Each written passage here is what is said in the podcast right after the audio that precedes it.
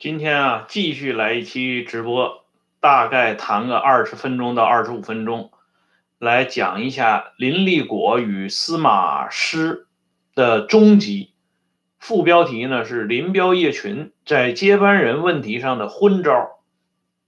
这个关于接班人的话题，最早呢，毛泽东于文革之前，就是一九六四年，他曾经专门在。中央工作会议上有有过一个讲话，后来呢收录到建国以来毛泽东文稿，就是这个这本书。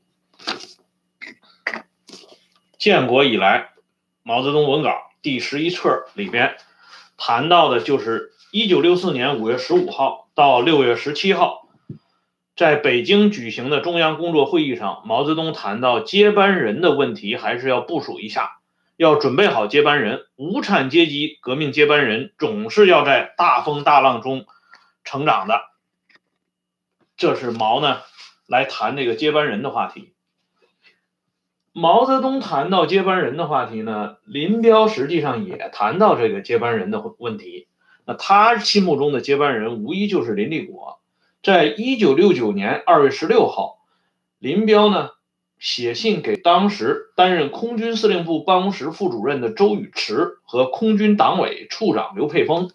这封信的原文呢很短，他说：“周宇驰、刘佩峰同志，这两年老虎在你们帮助下能力已有进步，今后你们可让老虎单独行动，以便锻炼他的独立工作能力。此致敬礼，并感谢你们过去对他的帮助。”林彪，二月十六号。这封信呢，以往。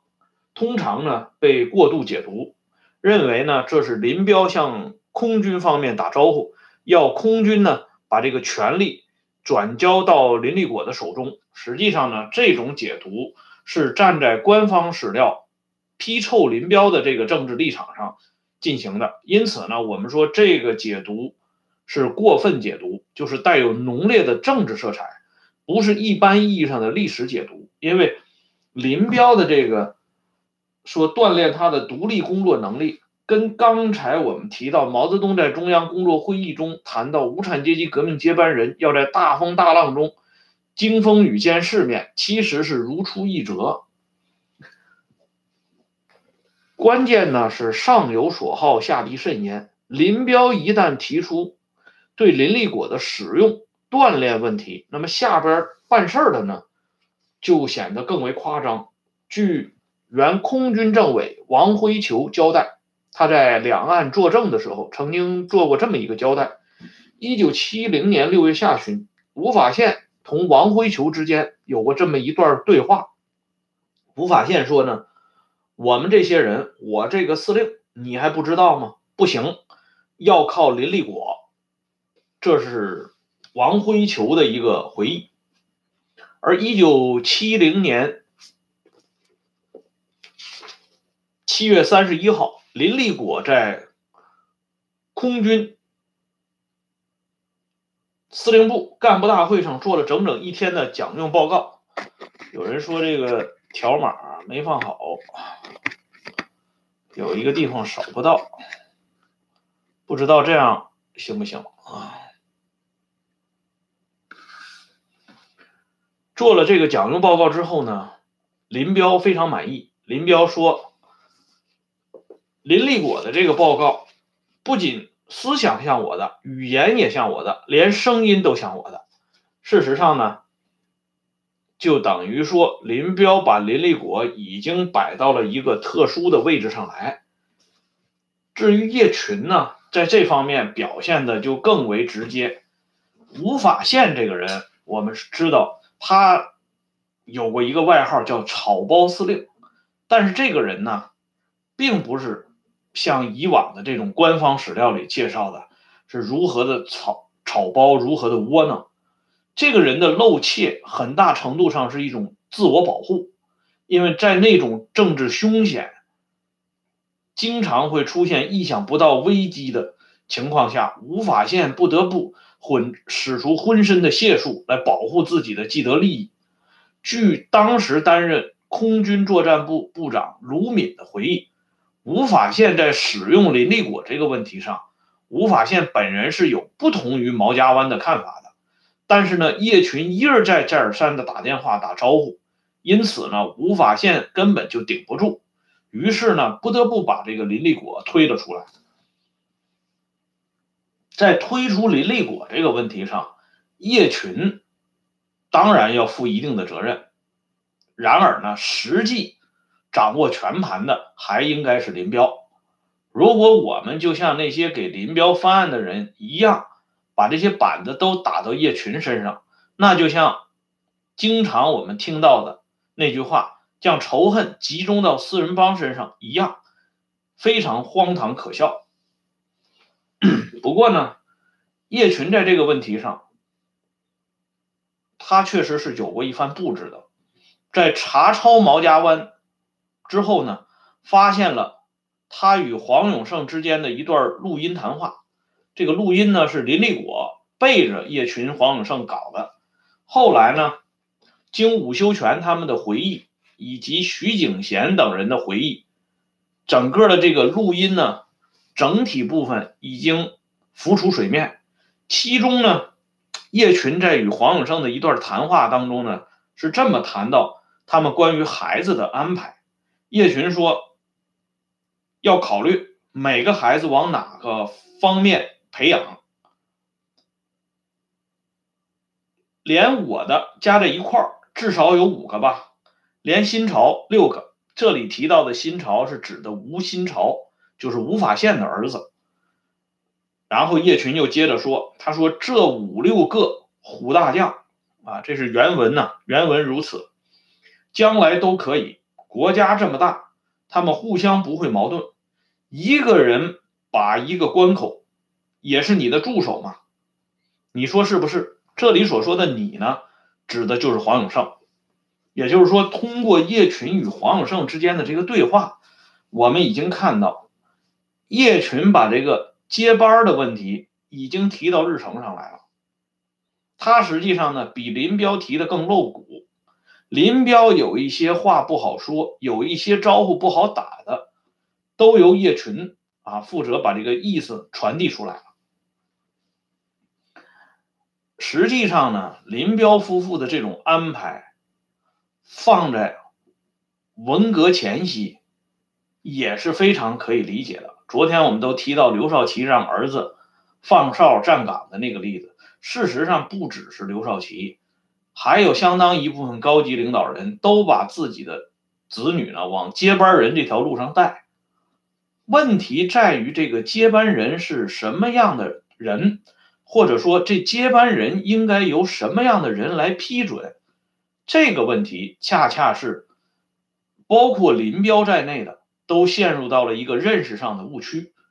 为什么这么说呢？我给大家看一本这个《毛泽东传》里边提供的。两个重要的史料，一个呢是在一九六五年十月十二号，毛泽东在中央工作会议上的插画。这个插画呢是由王任重记录的。王任重记录这个插画，他印象最深，毛说的话分量最重的一句话是这么说的：毛泽东说呢，我快要去见马克思了，怎么交代？你给我留个修正主义尾巴，我不干。什么叫修正主义尾巴？就是说，你这个接班人如果没有经过我的点头，或者说已经在位的接班人，你搞出的这套做法与我的想法相悖逆，那么我是绝对不允许的。留个修正主义尾巴，我不干，是惊叹号。再有一个呢，是一九六六年六月十号，这个时候文化大革命已经开始发动了。毛泽东呢，在与越南越共领导人胡志明之间说了一些话，这些话呢，在披露的时候，编撰者都专门提出说，这是一些令人吃惊的话。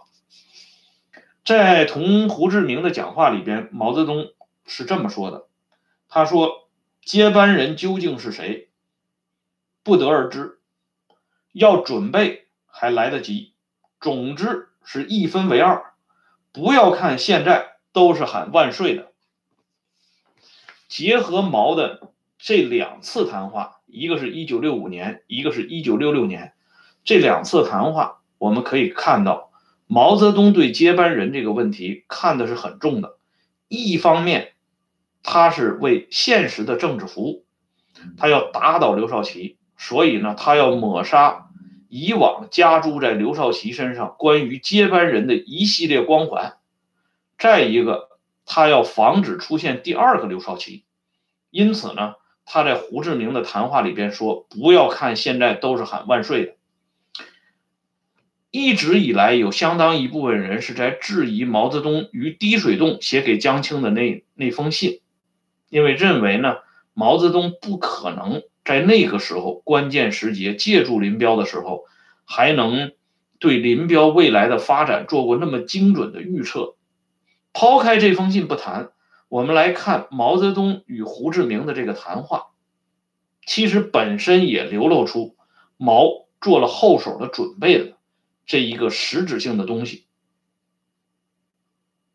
一分为二，不要看现在都是喊万岁的，这就说明了毛泽东对自己身后究竟是由什么人来接班，他讲的很清楚，是考茨基还是伯恩斯坦还是赫鲁晓夫，现在准备还来得及。所以呢，我们从这个角度来看，毛泽东是根本不可能。做出那种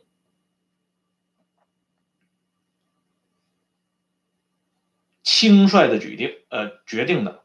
从他之前在文革之前两次费尽心机的从自自己的这个侄子毛远新之间谈到接班人的五个条件，也看得出来，毛泽东对接班人的安排是有着一个深思熟虑的过程。而这个深思熟虑的过程，本身就屏蔽了他们小圈子以外的任何人选。所以我说，林彪、叶群在这个问题上，他是搞了一个昏招，犯了糊涂了。但是林彪、叶群他为什么犯了糊涂？为什么搞了昏招？这不是说。就是林彪、叶群在这件事情上，他突然就猛叉叉了，而是由这个整个的这个政治体系和当时的政治局势发展变化造成的这种趋势所决定的。这就是我们经常挂在嘴上所讲的一句话：形势比人强。什么样的形势呢？凡是操作宫廷政治。操作黑箱政治，为达到集权而努力的这种团伙政治，最终的表现形式就是小舰队。我们都知道，林立果有一个臭名昭著的团伙，他的名字叫小舰队。但是实际上，这不是林立果个人的发明。历史上，凡是要搞宫廷政变，要操控大权，揽于一身，直至啊，直至自己肉体上的死亡，这个小舰队是必然的归宿。我们看一下历史上这个汉武帝，这是一个被称之为雄才大略的人物，仅次于秦始皇，所以秦皇汉武并称。可是汉武帝身后他留下的接班人汉昭帝，这就不用说了，辅佐汉昭帝的，这实际上是。这个当时汉昭帝时期的灵魂人物霍光、上官桀这几个人，都是当年汉武帝内廷供奉，就是说他们都是内廷的人选，而不是外边的这个内阁成员啊。当然那个时候没有内阁，咱们就说那个时候的啊外廷的行政领导班子吧。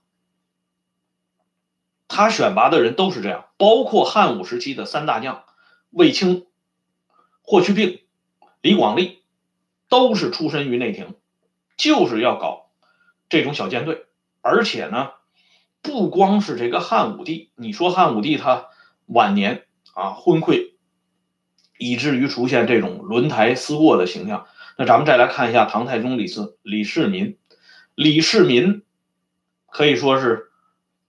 又是一位啊雄才大略的人物，贞观之治。可是李世民到了晚年，在决定太子人选的问题上，他仍然要屈从于长孙无忌这样的人物。为什么呢？这就与贞观后期政治有直接关系。贞观后期，李世民身边也就只有像长孙无忌这样的姻亲，才能跟皇上接上地气，剩下的人。都被皇帝远远的赶到一边去了。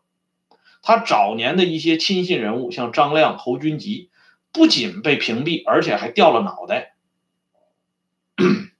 等到再谈一位啊，少数民族的雄才大略的人物——康熙皇帝，这个我们都知道吧？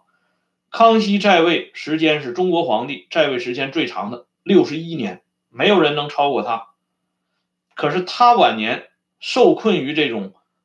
啊，接班人之争搞得焦头烂额，最后他能够托孤的，就是隆科多。隆科多是什么人呢？是他的直系表亲，同时还是外戚，双重身份。所以呢，他把京师警卫大权直接交到了隆科多手里。可是老头子呢，千算万算，没想到隆科多翻了盘子了。于是呢，局势为之一变。他身后的很多事情完全没有按照他之前的既定方针走，连接班人呢都被换成了另外一个人。这就是说明什么呢？搞这种宫廷政治，最终要陷入小圈子。就毛泽东自己来讲，他实际上也是晚年围绕在毛泽东身边，能够说上话的，毛泽东也愿意同他们进行局势的商量的。无非就是江青、张玉凤、毛远新、汪东兴、张春桥等极少数人，所以最后出现什么四人帮也好啊，五人帮也罢，那都是非常可以理解的。因此呢，我们在谈到这个接班人的话题的时候，不应该单独的去责怪林彪父子。或者是林彪夫妇进入到一个认识上的误区，只不过他们当时是深陷其中，浑然不觉。因为这个时候文化大革命正在如火如荼的蔓延着，林彪家族正是毛泽东借助的最大的政治杠杆，毛泽东离不开林彪，所以呢。在这种权力的簇拥之下，林彪夫妇也产生了错觉。更主要的是，他们已经被摆到了这个位置上啊！林彪不是经常讲千万不要骑上去，可是他已经是处在一个卧蛇骑虎的局面当中，已经是身不由己了。那么，无论是为当前计，还是为今后计，为自己计还是为子女计，他都要搞一个小舰队式的模式，而小舰队的掌舵者，无疑就是林立果。这某种意义上讲，也就是一个逃不脱的宿命，摆脱不了，或者说，用邓小平、李鹏的话讲，不以个人的意志为转移。他能够信赖的黄五李秋，这是一个摆在表面上的小舰队，他还有一个暗地里的小舰队，就是以林立果牵头，身边的周宇驰、刘沛峰、李伟信、于新野等等等等这些人，新老结合。而历史上呢，我今天要讲的这个林立果与司马师，司马师师。实际上也是他老爹司马懿摆在京畿警卫部队当中的小舰队的主舵者。司马师当时担任的职务是中护军，就是禁军的高级将领之一。他在禁军营垒中也在挖掘属于他们自己阵营的人才，而且呢，司马师，我们看那个历史上。晋景帝的这个本纪里边讲的很清楚，他私下里蓄养了三千多名啊死党，围绕着他们这个父子进行夺权做准备。这和林立果啊豢养了一批人，这些人呢，在林立果后来准备做的几件大事里边，都扮演了各自不同的角色。这个实际上是如出一辙的，就是说小舰队的这个模式，从古至今不可能不搞，只不过叫的名字不同而已。袁世凯，陆海军大元帅统帅办事处，就是袁世凯称帝前的小舰队，他剥夺了段祺瑞的权利，你陆军总长靠边吧。然后呢，用陆海军大元帅统帅办事处取代了陆军部，替袁世凯掌握陆海军的实权。另外，袁世凯又成立了模范团。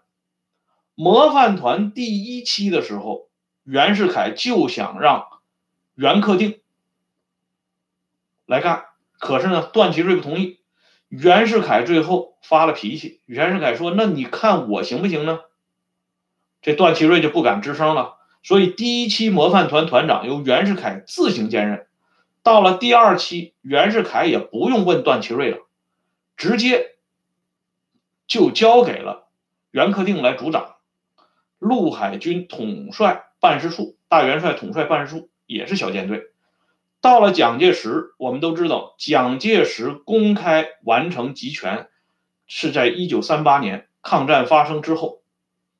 国民党的第一号人物的名字改为总裁，这是个标志性的事件。而那个时候，我们都知道有一个著名的国民政府军事委员会委员长侍从时，这个权力大过天的侍从时，同样是蒋介石的小舰队。这个侍从时密集的。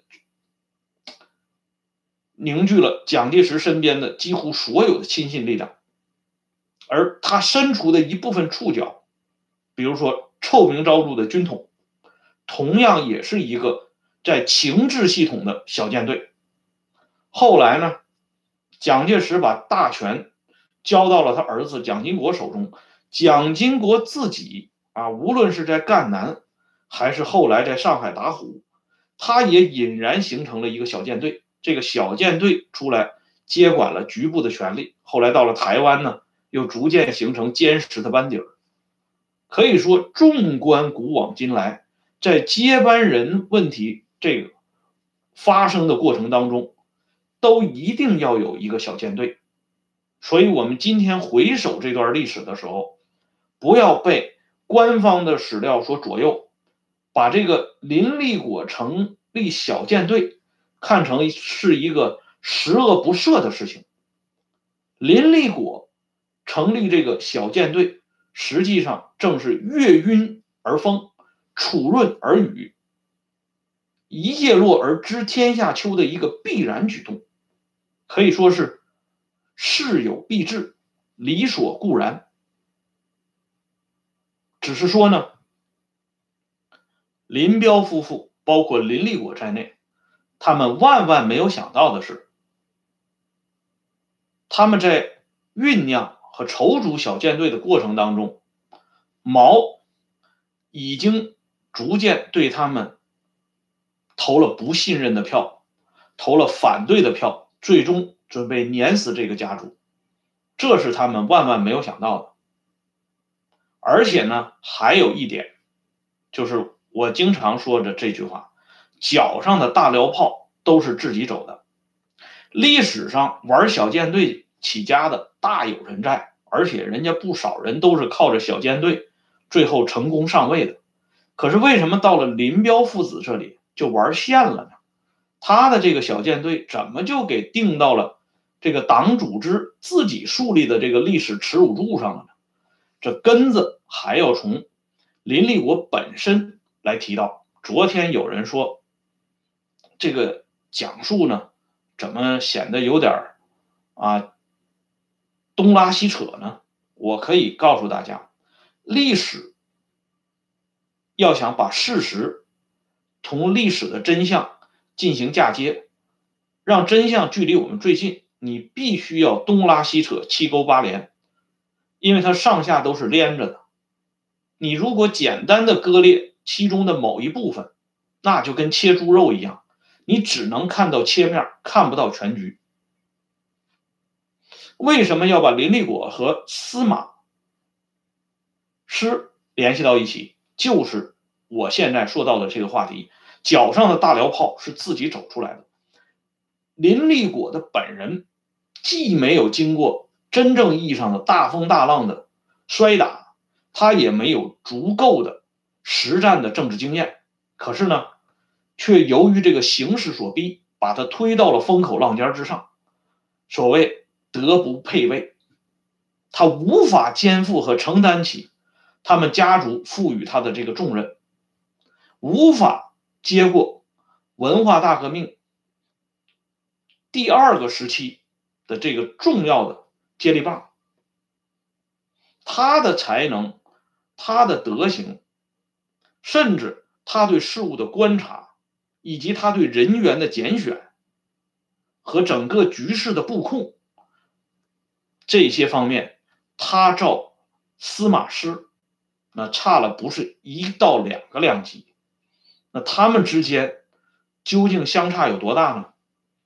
在下一集，就是结束这个题目的这一集呢，我将给大家详细对比一下林立果同司马师之间的这种巨大差异。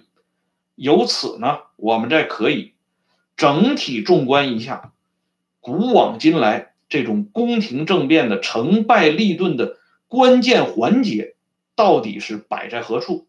我自己呢，总结了一个。十六个字，在下次节目里面呢，我希望拿出来跟大家共同分享。